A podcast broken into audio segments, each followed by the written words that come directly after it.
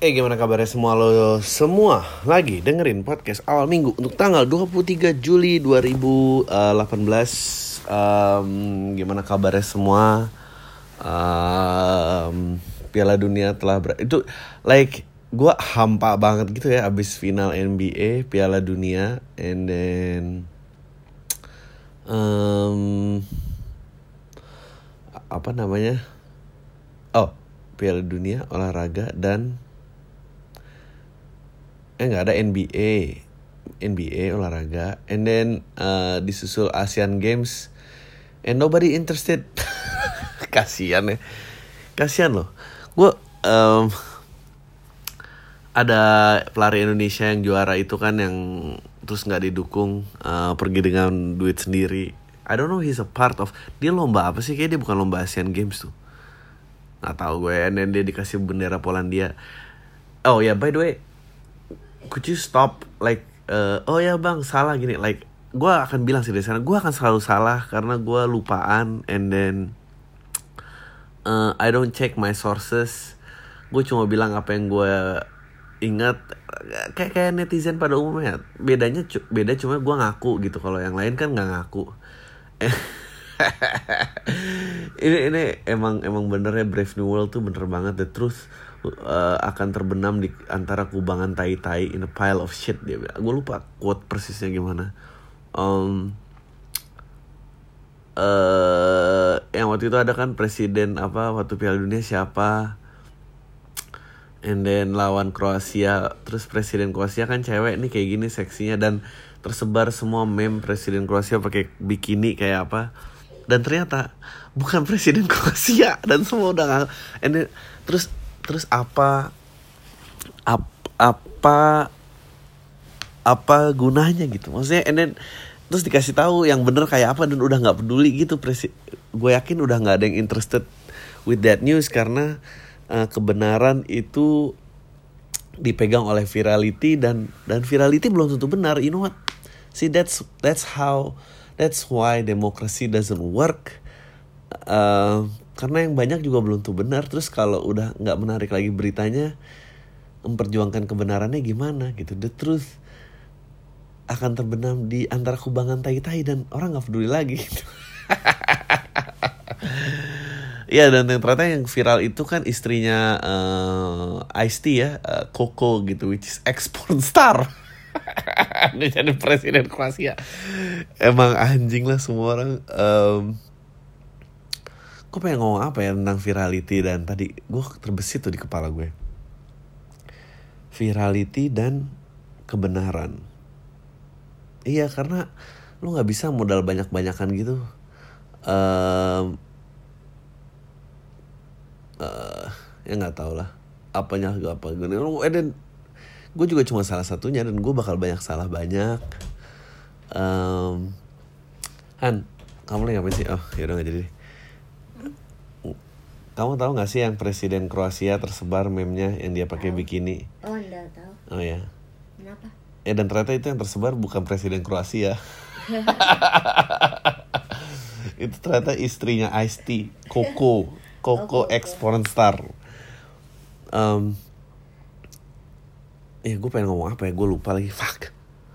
Anyway, um, terus sempat ada isu uh, di kubu. Hashtag 2019 ganti presiden um, Menpora ingin uh, apa namanya ada berita gue nggak tahu beritanya beneran apa nggak pokoknya yang tersebar di sana kayak gitu and then itu dianggap kebenaran and then um, gue udah gak ngerti uh, gara-gara uh, Menpora uh, ingin melegalisasi perjudian olahraga gitu terus um, um, dia udah terus kayak astaga. Uh, tim kepresidenan staff apalah uh, laknat 2019 ganti presiden. Well you know gue pengen cerita sih sebetulnya why uh, waktu itu gue pernah nyebut kenapa olahragawan dan artis uh, selalu bisa dibayar lebih mahal dan um, kenapa bukan dokter kita bisa menyelesaikan um, apa namanya kita bisa menyelesaikan permasalahan dunia jika uh, profesi yang dilulukan itu adalah uh, profesi yang memperbaiki umat manusia atau menjaga bumi ini whatever apa pun ini well um, itu benar jika jika anda sangat uh, kiri gitu. Maksudnya kiri dalam artian uh, menjunjung welfare state dan tapi even in a country yang memperlakukan welfare state uh, welfare state nggak uh, ada sih uh, dokter yang dibayar lebih tinggi daripada atlet dan selebriti. Kenapa kalau menganut uh, uang ini, ini penyebaran uang ya marketing um, komoditi jadi uh, marketing itu uh, kalau kata Philip Kotler anjing. Pokoknya 4P 7P sekarang udah berapa? 15P kayaknya. Uh, yang jelas kan dia itu produk pricing uh, placement people I I don't know fuck it. Intinya adalah terlepas dari uh, produk apa yang anda pasarkan uh, komoditi yang paling berharga setelah uh, produknya itu sendiri adalah uh, marketnya gitu. Dan uh, mungkin dulu ada zamannya uh, di mana dokter tuh diperlakukan atau atau dokter penegak hukum itu diperlakukan seperti selebriti di mana you know dan ini ntar ada hubungannya dengan judi dengan olahraga ya. Uh, katakanlah di zaman dulu di mana uh, yang bisa mencegah ancaman manusia uh, dan membuat orang berkerumun itu adalah dokter dan penegak keadilan. Katakanlah sheriff di sebuah kota koboi entah di mana gitu. Uh, dan dokter gitu um, karena itu yang dijual karena itu yang merupakan basic need manusia selain sandang pangan papan um, sandang pangan papan ya abis itu obat-obatan dan keamanan kesehatan dan keamanan. Uh, tapi eh, ini ada ada propaganda dunia medis gitu di kenapa sih manusia nggak bisa menemukan lagi um, penyakit yang disembuhkan? Penyakit yang terakhir disembuhkan oleh manusia itu kan polio ya gitu. Uh, ada ada ada namanya apa? Apa namanya? Apa? Apa namanya? Apa? Imunisasi imunisasi.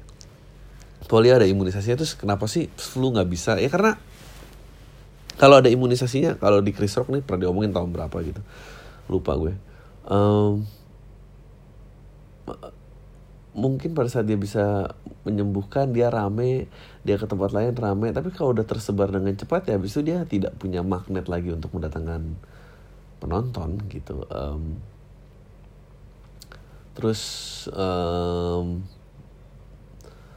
ya udah terus uh, gimana cara ngeduitinnya gitu kan? Ngeduitinnya ya lo harus membuat penyakit itu tidak sembuh tapi cukup bersahabat dengan manusia sehingga nggak membunuh manusianya gitu. Jadi kan dia balik lagi untuk dapat duit duit dan duit gitu. Hmm, gue juga percaya gitu bahwa sebetulnya ya pasti ada konspirasi di situ entah ada apa enggak.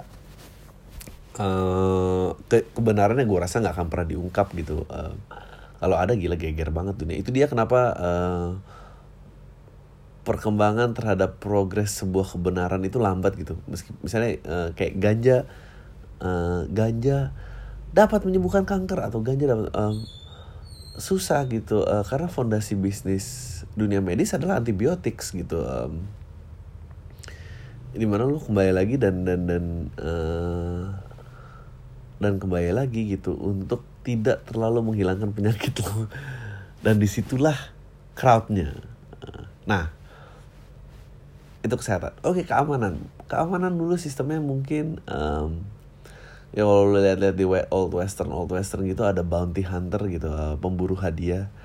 Um, ya jika ada reward yang setimpal semua berusaha menegakkan ini. Mau kamu tukar caranya menegakkan keadilan sesuai kemampuan masing-masing gitu. Ya dia cari aja gitu. Bahkan pada saat duel-duel pun um, orang datang gitu orang nonton orang lihat orang mungkin bayar orang mungkin taruhan dan you know. Tapi kan lama-lama kan kesejahteraan meningkat kan eh, kejahatan tidak bukan komoditi yang seksi lagi gitu gue nggak tahu ya dulu tuh ada nggak ya zaman dulu, eh, dulu orang yang kaya raya gara-gara bounty hunting gitu kayaknya nggak ada. And then ya kira-kira gitu. Um, masa itu lewat terus lama-lama uh, lama-lama eh, ya udah gitu berarti medis dan keamanan itu sebuah barang itu kan sebuah produk gitu. Nah abis itu ada atlet ada selebriti gitu. Eh mereka bukan barang tapi mereka apa ya istilahnya crowd magnet. Jadi kalau di medis itu eh, penyakit kalau di badan hukum ya itu penjahatnya gitu. Em, em, selebriti dan dan dan dan atlet mempunyai kekuatan yang amat besar em, untuk mendatangkan market dia mempunyai power dan dan sebetulnya eh, selebriti dalam artian ini eh, ya selebriti musisi aktor apa semua termasuk ya. Ada ada gapaian ada aspirasi penonton yang mau yang mau apa ada sesuatu yang menyihir penonton jadi kayak enggak gue pengen kayak dia. Dia selebriti dan atlet menjadi aspirasinya dia gitu. Nah habis itu eh dan ini cepat disadarin gitu hmm,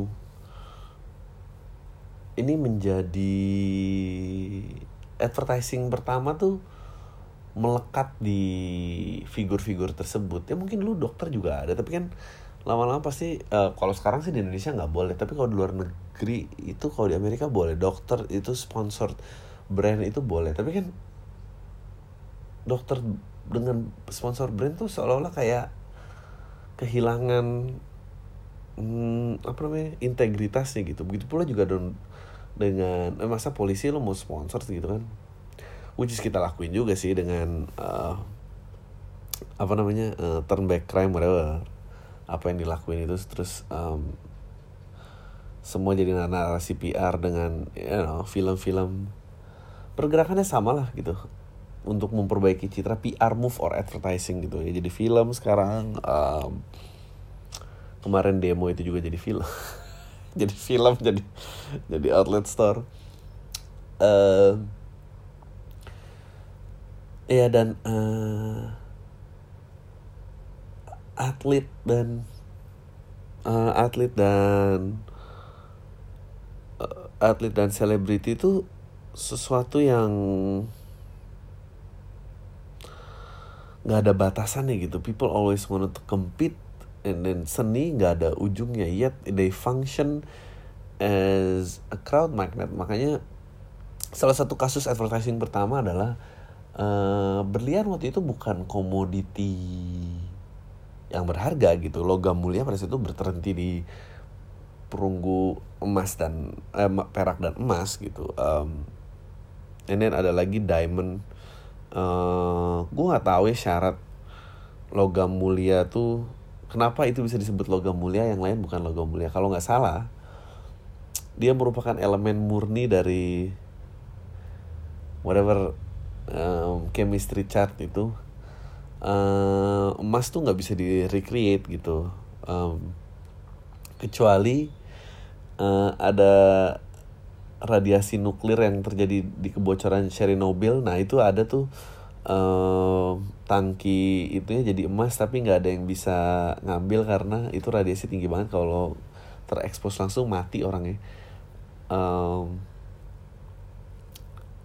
and then having said that um, kegiatan advertising pertama yang di, mengguna jadi advertising atau PR itu pertama kali ilmu paling primitifnya adalah menggunakan eh, ambasador gitu. Eh, Marilyn Monroe eh, waktu itu dikabarkan eh, memiliki affair terhadap presiden atau anaknya presiden kan?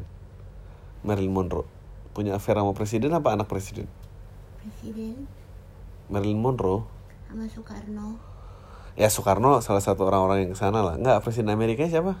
JFK, JFK punya affair sama Marilyn Monroe gak sih? Apa anaknya? Apa presiden sebelumnya? punya Ya kan? Kennedy. ya. Kennedy kan Kennedy kan ya ya the Kennedy Um, salah satu advertising pertama adalah melamar Marilyn Monroe dengan berlian. And then itu um, it's a fucking genius menurut gue and then berlian yang sekarang katanya udah ditemukan uh, bahwa ternyata berlian uh, dari senyawa yang bisa di recreate ada berlian buatan yang udah nggak bisa dibedakan dengan yang tertimbul dari proses alam.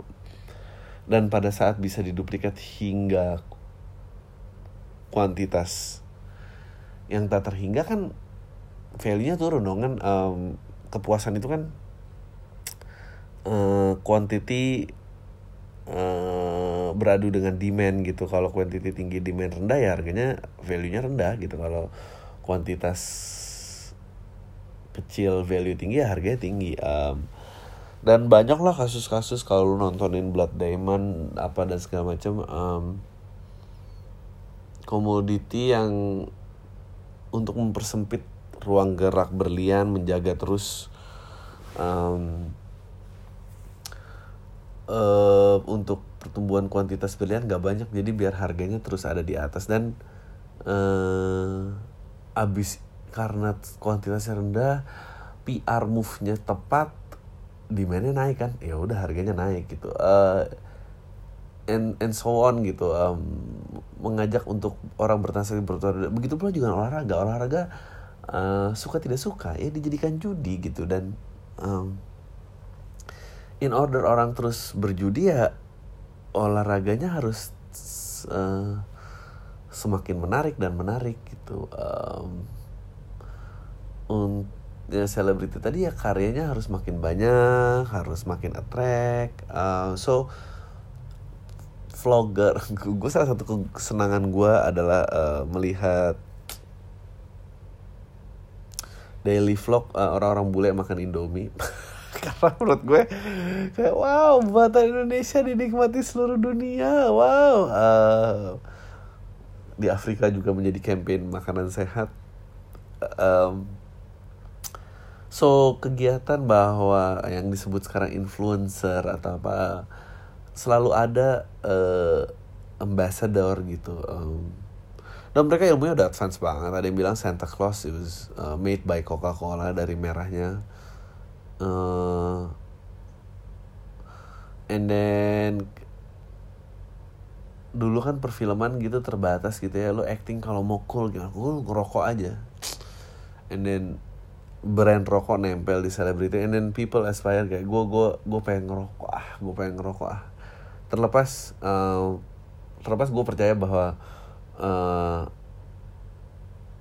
merokok sesuatu yang dibakar dan dihisap sesuatu yang diminum dan memabukkan eh, itu adalah kebudayaan leisure manusia di mana pun anda berada. Setelah ada mereknya and then mereka mulai attack ke orang-orang yang biar ngerasa ah itulah aspirasi gue gitu. Um,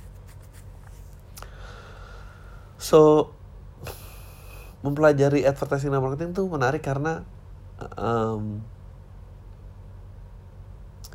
gue bukan mau mengarahkan lo ke selalu kepada kepada kesimpulan propaganda. Karena kadang-kadang kalau oh, apa apa propaganda apa propaganda lo kayak kayak malas gitu. But gue percaya uh, um, jika ada sesuatu kekuatan yang mengumpulkan banyak orang di situlah uang berputar gitu. Gue nggak percaya uh, orang berkumpul tanpa sebab gitu mau mau menggunakan landasan bernegara dalam berkompetisi olahraga kayak mau oh iya by the way itu dia kenapa uh, olahraga as a organization waktu itu bergerak untuk eh, sebagai gerakan kemakmuran gitu mulai dari FIFA mulai dari Olimpiade eh, ada cerita itu menghentikan perang lah whatever um, eh, so ya yeah, so basically basically apa ya? Ya itu tadi eh lu butuh sesuatu agar orang berkumpul dan kalau orang berkumpul eh, duit di situ berputar dan ini ini ini ini gue bukan membicarakan eh, benar atau salah secara moral baik atau buruk. Gue cuma eh, bagaimana sebetulnya eh, kita manusia as a society itu bergerak gitu um,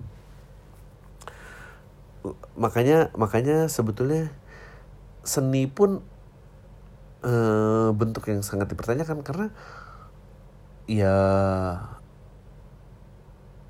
berapa persen sih yang tujuannya untuk menggerakkan atau atau mencerahkan pikiran?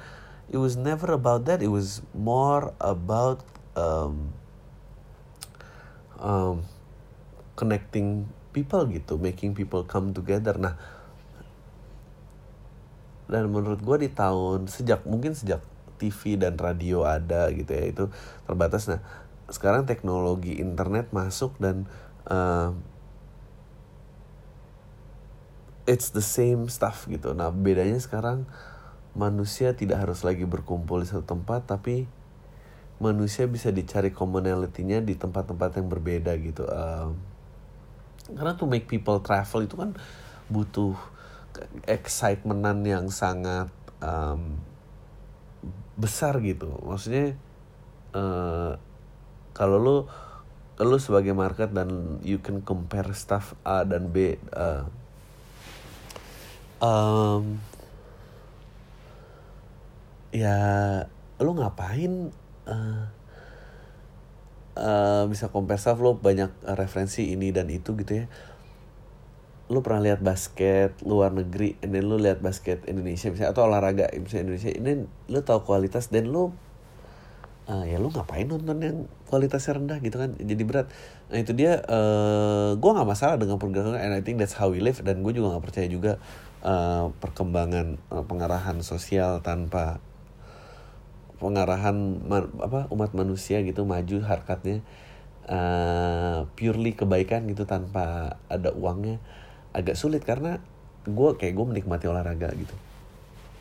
Ya lama-lama kok olahraga demi pure olahraga ya olimpiade itu membosankan tapi kalau lihat olahraga demi entertainment dan apa ya olahraganya terus evolve dan akan menghadirkan magnet-magnet orang yang baru. Gue lebih suka nonton American Ninja Warrior sekarang daripada olahraga atletik. Siapa yang nonton atletik gitu? Kayak apa tolak cakram whatever. Um, ya itu itu lo kalau mengandalkan bentuk daripada attraction terhadap dari human ya so uh, ya gue gue nggak percaya itu uh, gue mau ngomong apa ya? Internet. Internet oh ya yang berbahaya dari uh, bukan berbahaya sih karena kita negara tertinggal aja. Gue gue sedih gitu uh, karena gue percaya semua ada runutannya gitu. Uh, mobilitas itu infrastruktur rel kereta jembatan dan apa segala macam itu kan semua untuk mobility kan tujuannya bukan untuk connect tapi to move people. Kalau ada konser atau ada apa orang bisa datang atau ada film atau apa orang bisa kumpul. Uh, tapi dengan ada internet itu pasti akan berubah sekali gitu uh, gue pernah bisnis jual beli mobil second. Oke. Okay. uh, mobil adalah sebuah komoditi. Mobil adalah sebuah komoditi yang yang yang yang uh, cukup menjadi lambang peradaban manusia lah. Dan pada saat dia menjadi pelambang peradaban manusia kan itu artisnya kan you know like waktu zaman pertama kali ditemuin lampu, mobil, listrik, apa itu sempat menjadi sebuah crowd magnet yang sangat besar. um, lo kebayang gak sih kayak uh, gue beli jual beli mobil gitu ya jual beli mobil ya budget budget 100 jutaan uh, and then sebulan dijual untung 10 juta jual untung 10 juta jual and then you you do that gitu tapi itu ada mobilnya men. Ada bendanya. Dan lu kebayang gak sih kayak dengan sosmed anjing gue ngapain yang ngelakuin itu kalau gue jadi seleb tweet 10 kali tweet aja gue bisa 10 juta? Why? Bahwa itu resikonya besar dan uh, ada liability belum kalau lu beli pulang ditabrak dan segala macam. Tapi kan ada barang ini tweet yang lu nguap gitu aja. Gue uh, jadi gue gue selalu penasaran gitu. Gue bukan skeptis. Kayak misalnya orang-orang uh, mau menegakkan oh ya dukung dong buatan dalam negeri apa ya ngedukungnya gimana? Uh, ada leak ada Nike gitu. Karena ternyata Nah itu dia kenapa eh, ini kembali lagi kenapa selebriti dan eh, atlet itu lebih tinggi. Karena em, selebriti dan atlet itu mempunyai kemampuan untuk membuat konsumernya tidak rasional. Nah tapi kita tapi di sisi lain kita rasional juga gitu. Gue nggak mau nonton eh, eh, gue gak mau nonton basket Indonesia karena gue pernah nonton NBA and then yet lo naruh produk Indonesia di Liga Indonesia gitu ya terus siapa yang melihat siapa yang mau nonton it decision entertainment apa atau konsumsi hiburan apa yang mau di eh, menurut gue mau diambil itu rasional. Tapi keputusan membeli itu tidak rasional. Orang bisa membeli sesuatu yang gak mampu dan itu given. Um, so banyak orang yang nggak bisa beli Nike. Beli Nike itu banyak banget. Tapi ya nggak apa-apa biar aja dia terjerat dengan utang. Gitu kan? Ngerti kan maksud gue so eh gue tuh paling nggak percaya tuh kayak gerakan-gerakan segala sesuatu demi nasionalisme. Gue percaya eh, market dalam negeri harus dikonsumsi orang-orang yang biar ekonomi kuat. Gue percaya. Tapi the only way to do it adalah eh gue ragu ya dengan persaingan bebas gimana caranya coba. Itu dia kenapa uh, um, semua pemasaran produk atau hiburan semua demi negeri. Um, ya NKRI itu ada ada ada duitnya.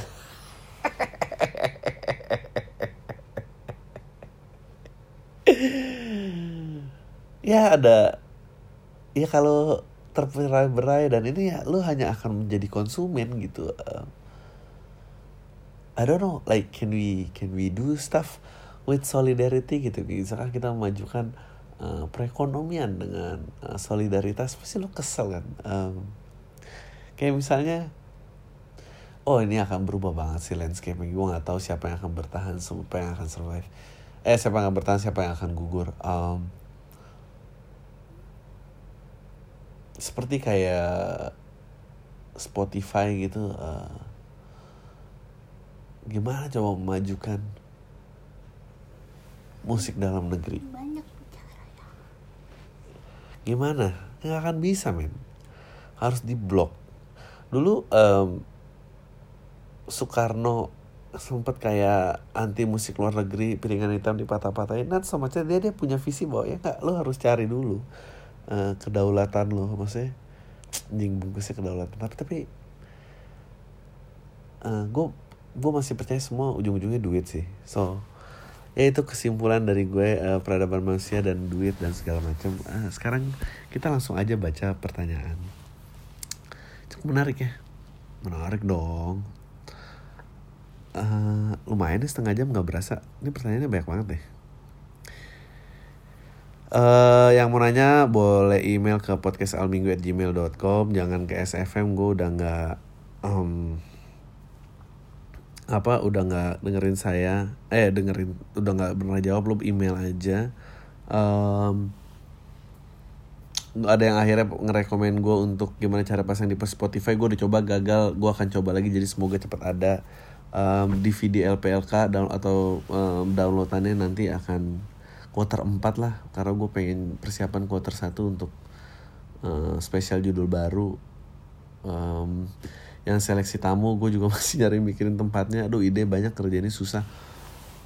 Em, kita lihat aja. Oke em, saya mau nanyakan tentang mantan yang call atau chat saya setiap hanya di, eh, ada di kebutuhan oleh dia dan setiap saya chat duluan pasti ujungnya membuat dia marah karena dikarenakan saya putus tidak baik-baik dan komunikasi selalu bermasalah dikarenakan setiap ada masalah yang selalu diungkit-ungkit masalah yang berulang selama 24 sampai 4 tahun pacaran. Terus apa yang saya harus lakukan supaya mantan saya tidak hubungi saya lagi tapi saya masih merasa kasihan kepada dia dikarenakan dia tidak akur dengan orang tuanya padahal sering memberikan yang terbaik tapi sering berantem sama orang tuanya. Eh, ya menurut gua itu bukan urusan lagi sih itu itu gunanya putus sih kalau nggak ada itu ya nyambung terus sama orang nggak putus-putus. Itu bukan masalah lo lagi Em,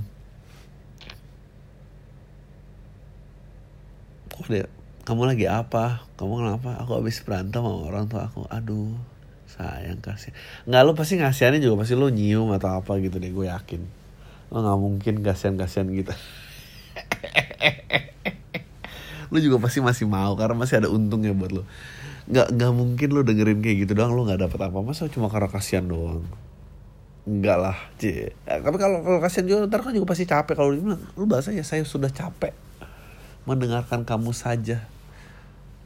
Kec eh iya. Apaan coba menurut lo kalau eh, gua pacaran udah mas harus masuk ke tingkat yang serius menurut lo kita harus punya pandangan sosial dan politik yang sama nggak? Soalnya kalau beda gue nanti debat dulu karena emang dasarnya pemikirannya beda gitu. Gue ini orangnya suka ngobrol soalnya. Hah?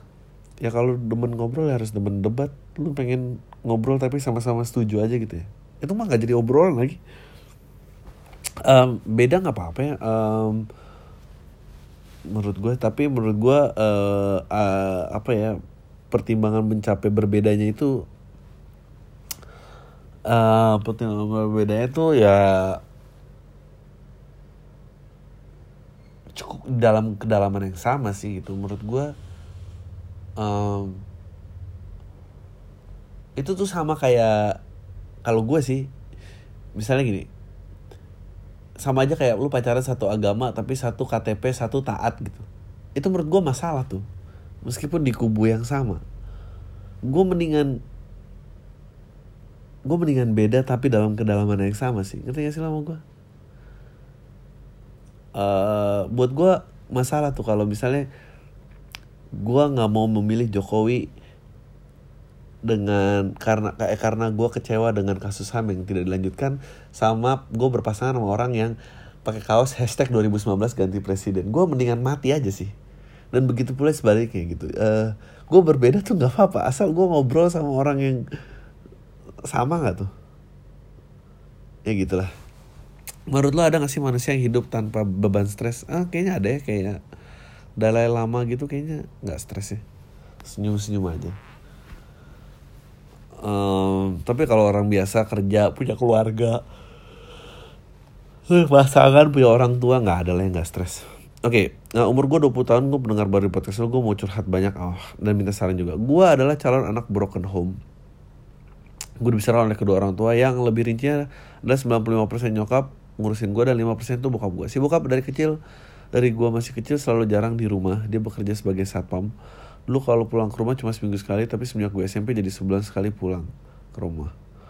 Eh, pulang hanya sekedar tidur, makan, dan ngasih uang ke nyokapnya. Besoknya pergi lagi buat kerja lagi. Dia dulu gue maklumin karena jaraknya jauh untuk pulang ke rumah, makanya dia milih untuk ngontrak daripada berat di ongkos. Cerita dimulai dulu bokap gue pernah ketahuan selingkuh sama perempuan lain, astaga.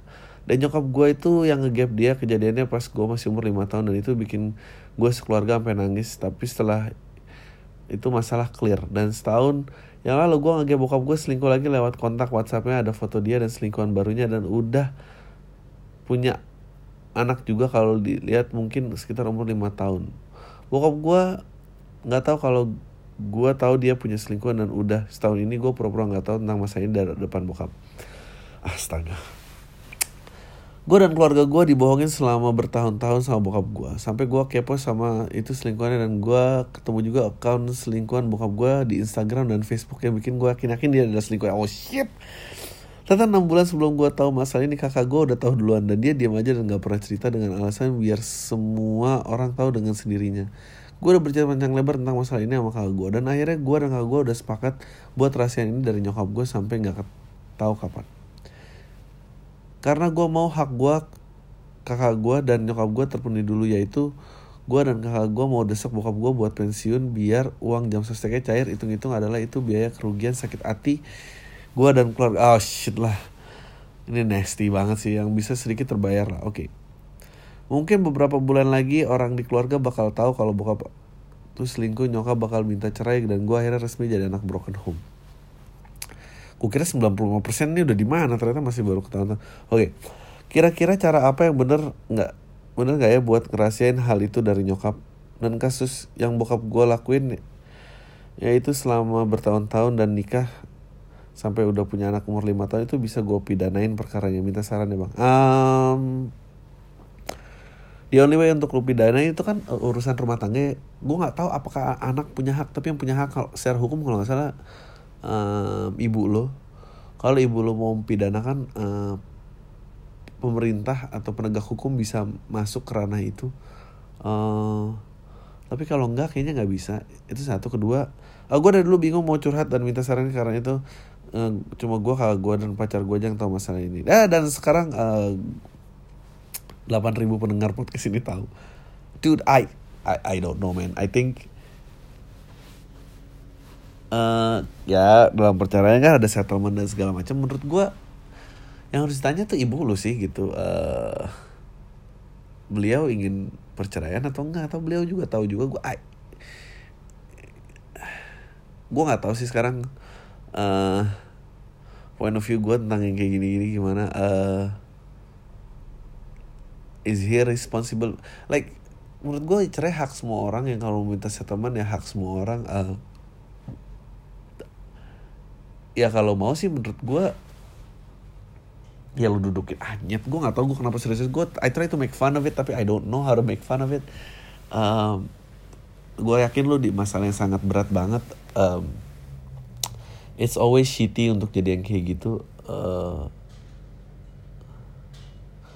ya gue berusaha berempati aja sih kalau emang uh, lu mau menuju jalan sana ya I think you should involve your mom uh, lu kasih tahu gitu uh, apa yang lu udah tahu uh, gue nggak tahu apakah lu lu punya kekuatan hukum di situ apa enggak sih ya gitu. Ini, uh, gue anak Aceh usia 24 tahun pernah tahu di Jakarta. Semenjak podcast lo mindset gue jadi kebuka. Sebelumnya gue egosentris banget. Mungkin gue jadi gitu karena gue sering dengerin lagu-lagu hip hop kali ya. Tapi gue sekarang nggak lebih mikirin gue doang. Gue tertarik banget sama materi-materi lucunya tuh deket dan gue sempet liat stand up lo di youth proaktif beda banget sama lo yang sekarang. Uh, gue nggak tahu apa udah hubungannya enggak tapi tiap ketemu orang yang nonton Black Mirror juga gue nggak nyambung aja gitu. Oh ya emang gue juga suka cara lo uh, chat sama tamu. Oleh karena itu gue pengen banget dengerin lo chat sama Abdul Rashad. Uh, gue ada sering Mamat Al Katiri Mamat udah kok ada episodenya. Ari juga udah kalau nggak salah uh, soalnya jarang uh, denger dari orang timur yang kerja di industri kreatif thank you bang sukses terus buat lo. Abdur yang belum gue udah berapa kali janjian beliau sibuk ya. Semua komedian sibuk lah kecuali gue bang lo berminat nggak bikin show di Malaysia? Spesial oh, berminat banget tapi nggak tahu siapa yang datang. Berminat banget berminat banget berminat banget. Cobalah bikin uh, apa uh, uh, uh, change.org bawa Adri you know try halo bang Adri uh, uh, ya ada 100 tanda tangan you know ada 100 tanda tangan gue bisa lihat akomodasi dan tiketnya gue jalan sih dan pasti mau beli ya. Eh, kenalin gue uh, umur gue masih di bawah rata-rata sebagai listener podcast lo. Gue lulusan SMA tahun 2015. Terus gue sekolah desain selama satu setengah tahun dan gue sekarang kerja di salah satu desainer lokal di daerah kamu. Gue mau cerita aja nih bang. Asal mula gue bisa tahu siapa dan kenapa gue dengerin podcast lo. Sorry ini kayaknya bakal cerita tapi semoga lo interest untuk baca. Oke, alhamdulillah gue duduk dididik dan diajari soal agama Islam jadi keluarga gue. Setiap selesai sholat maghrib gue dirutin untuk membaca Al-Quran tapi dulu. Sejak gue naik kelas 3 SMA mulai pulang malam terus gara-gara bimbel dan main keluyuran akhirnya gue kayak ngerasa bersalah. Um, akhirnya gue coba bagaimana caranya gue biar bisa pahala ngaji ya gue denger orang baca Quran deh anjing gue ada banget nih. Orang dari dengerin podcast Quran terus tiba-tiba nyamper di podcast aku. Um, dan melalui podcast karena gue nggak tahu fungsi utama podcast apalah gue download lah. Dan dari situ di menu podcast keluarlah feature podcast yang menurut si podcast recommended. Gue denger muncul podcast awal minggu. Wah gue interest untuk dengerin karena ini orang lokal Indo yang bikin. Sumpah pertama gue dengerin episode pertama kedua anjir lah nih orang nggak penting banget dia bacotnya dengan durasi sejam kayak nggak bisa nyari nasib yang lebih baik daripada gitu. Itu yang terlintas di kepala gue pas gue masih kelas 3 SMA sorry tuh saya bang di situ gue bahkan nggak berusaha untuk inget judul podcast lo cuma inget logo podcast dan nama lo.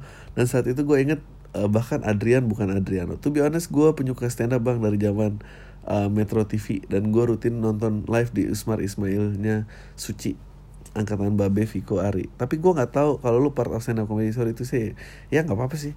But time flies dan gue tahu tahu lihat lo di YouTube MLI yang lo roasting balik sama Rizky Kobe Junior. Dia sangkut paut soal podcast lo anjir di situ gue ngira-ngira jangan-jangan nih orang yang lo punya podcast yang lo gue sempet dengerin dan gue hujat. Ternyata bener bang. Gue cari podcast lo lagi logo podcast lo masih sama dari dua tahun yang lalu. Nice anjir gue kayak lo udah sendiri gue sekarang jadi sering denger podcast lo dan suka omongan lo yang banyak benernya secara tidak langsung ngobrolin voice dengan jokes-jokes yang lo sok bijak dan santai. Ada omongan lo yang kejadian di dunia gue. Gue rekomen lah ke teman-teman gue dan uh, mereka semua malah ngatain gue doang. Mereka udah ngira jokes dan obrolan gue beda semenjak kerja. Gue harus kasih argumen apa ya bang? Uh, untuk di situasi kayak gitu. Oh gak usah kasih argumen men. Biarin aja. Gue sering dikatain sombong mentang-mentang gue kuliah cepet dan langsung dapet kerjaan. Posisinya cukup lumayan lah untuk anak fresh graduate di industri fashion padahal gue sama sekali tidak pernah menyombongkan diri gue udah kerja di sini. Uh, karena it's not my type. Gue cuma bilang nggak bisa aja gitu diajak main cause I have things to do. Wah sedap. Which is uh, which is uh, and responsibility dalam kerjaan gue. Di mana lagi posisinya sekarang juga teman-teman gue masih pada ngampus dan main-main kayak anak SMA sedap. Sedangkan gue udah masuk tahun kedua kerja di tempat gue sekarang obrolan mereka juga masih gibah-gibahin masalah waktu SMA sebenarnya obrolan mereka juga udah yang menurut gue udah gak asik lagi untuk diobrolin udah kayak wasted aja. Gue lebih prefer ketemu orang-orang yang bisa tukeran atau brainstorming dibanding join atau main ngobrol ketawa-tawa. Udah nggak bisa gue dapat lagi point happinessnya di mana selain temu kangen aja. Please kasih gue arahan bang untuk kasih argumen yang bijak atau ganti mindset mereka. Gak usah men. Lu ganti temen aja udah. Gue tuh males gue tuh sombong nggak tahu gue tuh kalau gue tuh sombong nggak mau ketemu sama mereka karena gue males aja sih hal, -hal mereka obrolin. Bukannya nggak mau lagi main sama mereka they still my friend tapi nggak they're not your friend anymore. Uh, karena nggak ada yang istilahnya mantan temen. Ada cik gitu. um, thank you bang gue balasan opini soal ya enggak enggak ya lu ganti teman aja menurut gue lu di tempat yang baik. Um, hebat juga ya lari lihat podcast apa lihat ini um, ya emang gitu yang kerja tempat bagus lo lebih dalam realita uh, ya yeah. I don't know nggak ada opini I think lo di posisi yang tepat oke selamat malam selamat siang selamat saya uh, oke okay, gak usah gue sebut Uh, mengucapkan terima kasih atas kehadiran podcast minggu karena berkat podcast minggu saya sekarang sudah memulai podcast sendiri. Salah satu hal yang nempel di kepala saya adalah perkataan abang nggak perlu takut gagal kalau gagal ya bangkit lagi hidup itu tentang melewati kegagalan dan terus bangkit. Uh, dengan memulai podcast kecil-kecilan yang saya buat ini saya berharap saya bisa mengasah kemampuan saya berbicara dan berpikir saya. Terima kasih lagi podcast awal minggu. Kalau ada abang waktu luang, uh, coba dengerin rekaman saya di sini. Uh, Soundcloud.com uh, rekaman mingguan silahkan dicek kenalin ah, oke okay. uh, eh, gue mau minta pendapat juga. Gue kemarin jadi ketua pelaksana kegiatan besar organisasi gue kegiatannya reuni akbar seminar nasional pengabdian masyarakat dan launching buku. Buset deh. Perjalanan organisasi tebal 1630 halaman. Nah di dalam buku itu ada cerita yang menurut gue menarik banget. Kalau ini menurut lo sensitif gak perlu dibacain oke. Okay. Cerita dari beberapa pelaku sejarah ekspedisi di Papua. Uh, di dalam tulisan itu disebutin kejadian yang merenggut nyawa oleh salah satu senior gue karena operasi OPM. Di sisi lain ekspedisi itu dari berbagai sudut pandang seperti kisah senior gue yang bertemu Herman Lantang, senior Mapala UI, yang menceritakan bahwa kejadian meninggal salah satu senior gue itu bisa jadi sesuatu yang oh baik karena seharusnya salah satu senior gue itu mau diburu di puncak tapi gagal karena mereka tidak melakukan summit akibat cuaca yang buruk dan meninggalnya senior gue. Ketika rombongan senior gue pulang membawa jenazah datanglah empat mahasiswa Trisakti yang ingin melakukan ekspedisi yang sama dan ketika mereka mencapai puncak mereka semua dihabisi. Di berita yang disebarkan secara resmi mereka dibilang korban perang suku.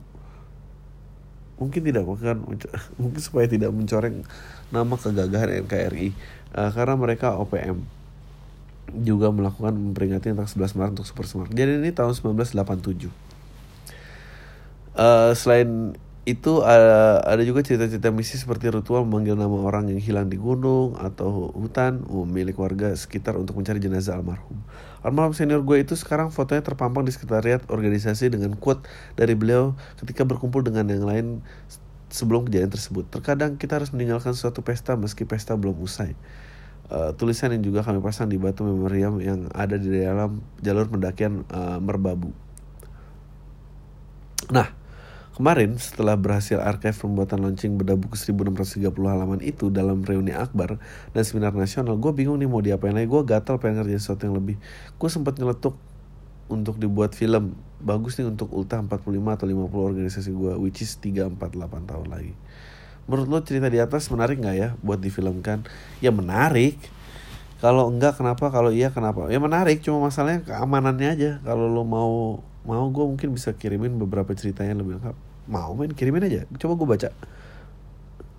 Email kan?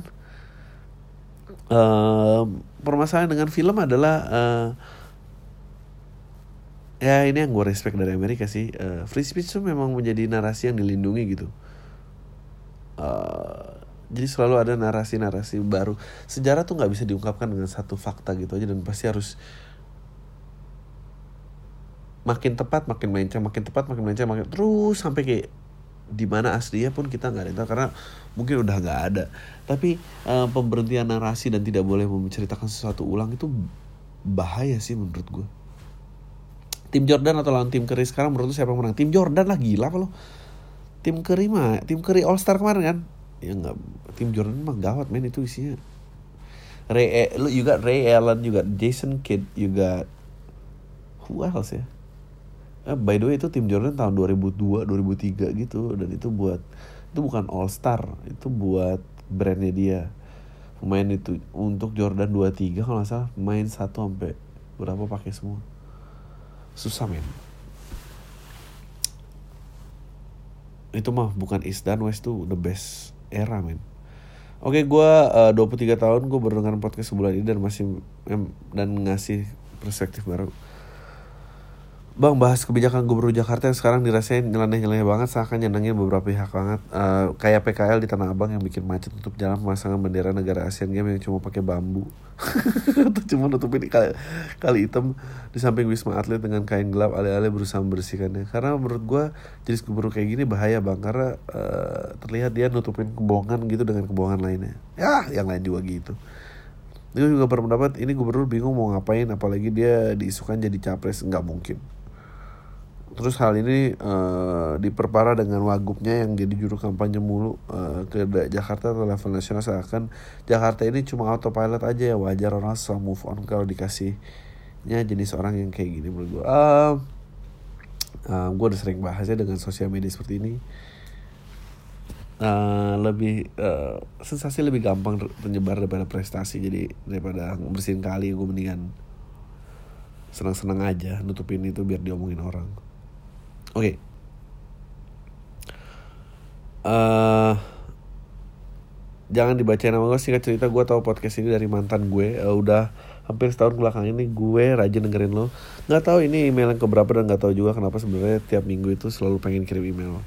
Uh, pokoknya emang kayak udah jadi candu dengerin lo. Sampai-sampai kayaknya gue yang tahu lebih banyak tentang lo daripada mantan gue yang kenalin bang Andri. By the way gue yang waktu itu nyapa dan manggil lo pas abis premier Love for Sale semoga nggak inget sih uh, eh, gue mau ajak foto tapi ya gitu. Jujur ya lu ramah banget sih bang. Uh, eh nggak uh, pencitan eh pas lihat uh, pintu masuk bioskop gue kasihan lo lihat sama ibu kalbi diamnya di pojokan karena nggak ada yang diajak foto. Tai.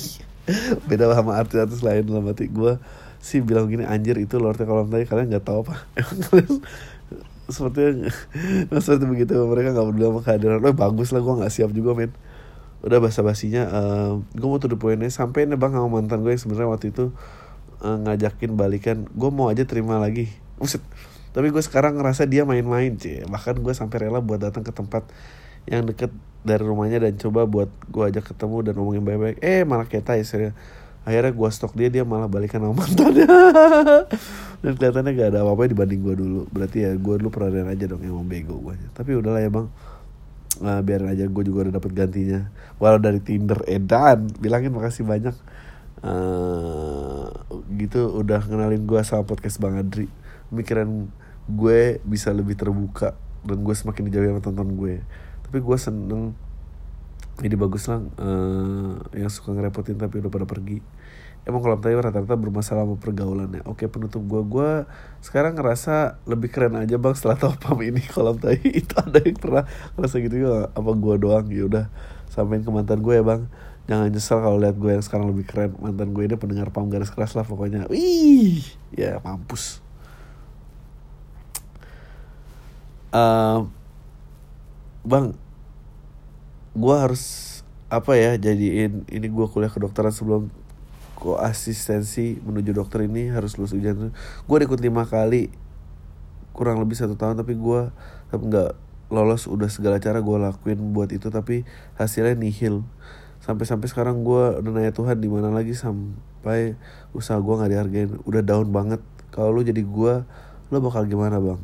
Gue udah ngecewain keluarga gue makasih banget. Bang sukses pamnya eh lu pengen jadi dokter nggak Eh, kalau pengen ya lo harus bisa bangkit lagi. Kalau lo nggak gitu-gitu pengen ya mungkin saatnya lo coba yang lain. Ayo gue baca dulu ya. Eh, Menuju gue harus ujian dulu. Gue udah lima kali ikut lebih. Iya. Lo lanjut karena sayang gagal apa emang beneran pengen jadi dokter? Kalau gue jadi lo gue akan bertanya itu sih. Em, Plus kalau lo udah lima kali Gue rasa it's okay to take a break. Bisa nggak cari lagi atau ikut di fakultas lain gitu lo pindahin lo nggak harus lulus dalam materi itu kalau emang lo segitunya pengen nyelesain. Eh kalau nggak ya coba yang lain gitu. Ya keluarga lo ya keluarga lo lah ya udah mau gimana dong? Eh bang, gue cowok 24 tahun belum lulus kuliah masih berkutat sama skripsi dan kerjaan cuma freelance. Bulan Mei kemarin gue habis ditikung sama cowok seumuran yang lebih mapan karena lulus sekolah ke kedinasan. Alasan mantan gue ninggalin karena doi takut gue nggak bisa bertanggung jawab sama masa depannya. Gue udah berusaha ngiyakinin kalau gue juga bisa sukses nanti. Ah, tapi doi lebih milih yang pasti. Cie. Nah, jadi masalah adalah akhir Agustus nanti temen deket gue waktu kuliah bakalan nikah. Dan ternyata cowok yang nikung gue adalah temen SMA-nya temen gue ini. Jadi kemungkinan besar mantan gue adalah cowok dan, dan cowoknya bakalan datang juga. Gue bingung buat datang apa nggak? Ya lah datang aja. Karena kalau datang nanti ketemu dan gue nggak siap. Sedangkan kalau gue nggak datang nanti gue nggak enak sama temen gue datang aja main sapa aja atas mata eh. Eh apa kabar? Semoga bahagia ya. Gentle aja.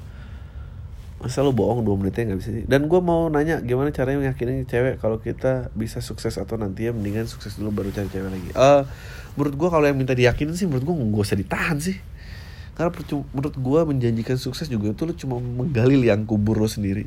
Menurut gue lo harus jalan sama yang mau stay aja sih. Persetan lah ngejar-ngejar yang lo pengen. Kalau gue sih gitu yang mau sama lo aja. Bikin ribet. Kalau lu sukses ya syukur. Kalau kalau lu bisa ngeyakinin dia terus lu nggak sukses lu ngomongnya apa? Dia pasti marah juga sama aja.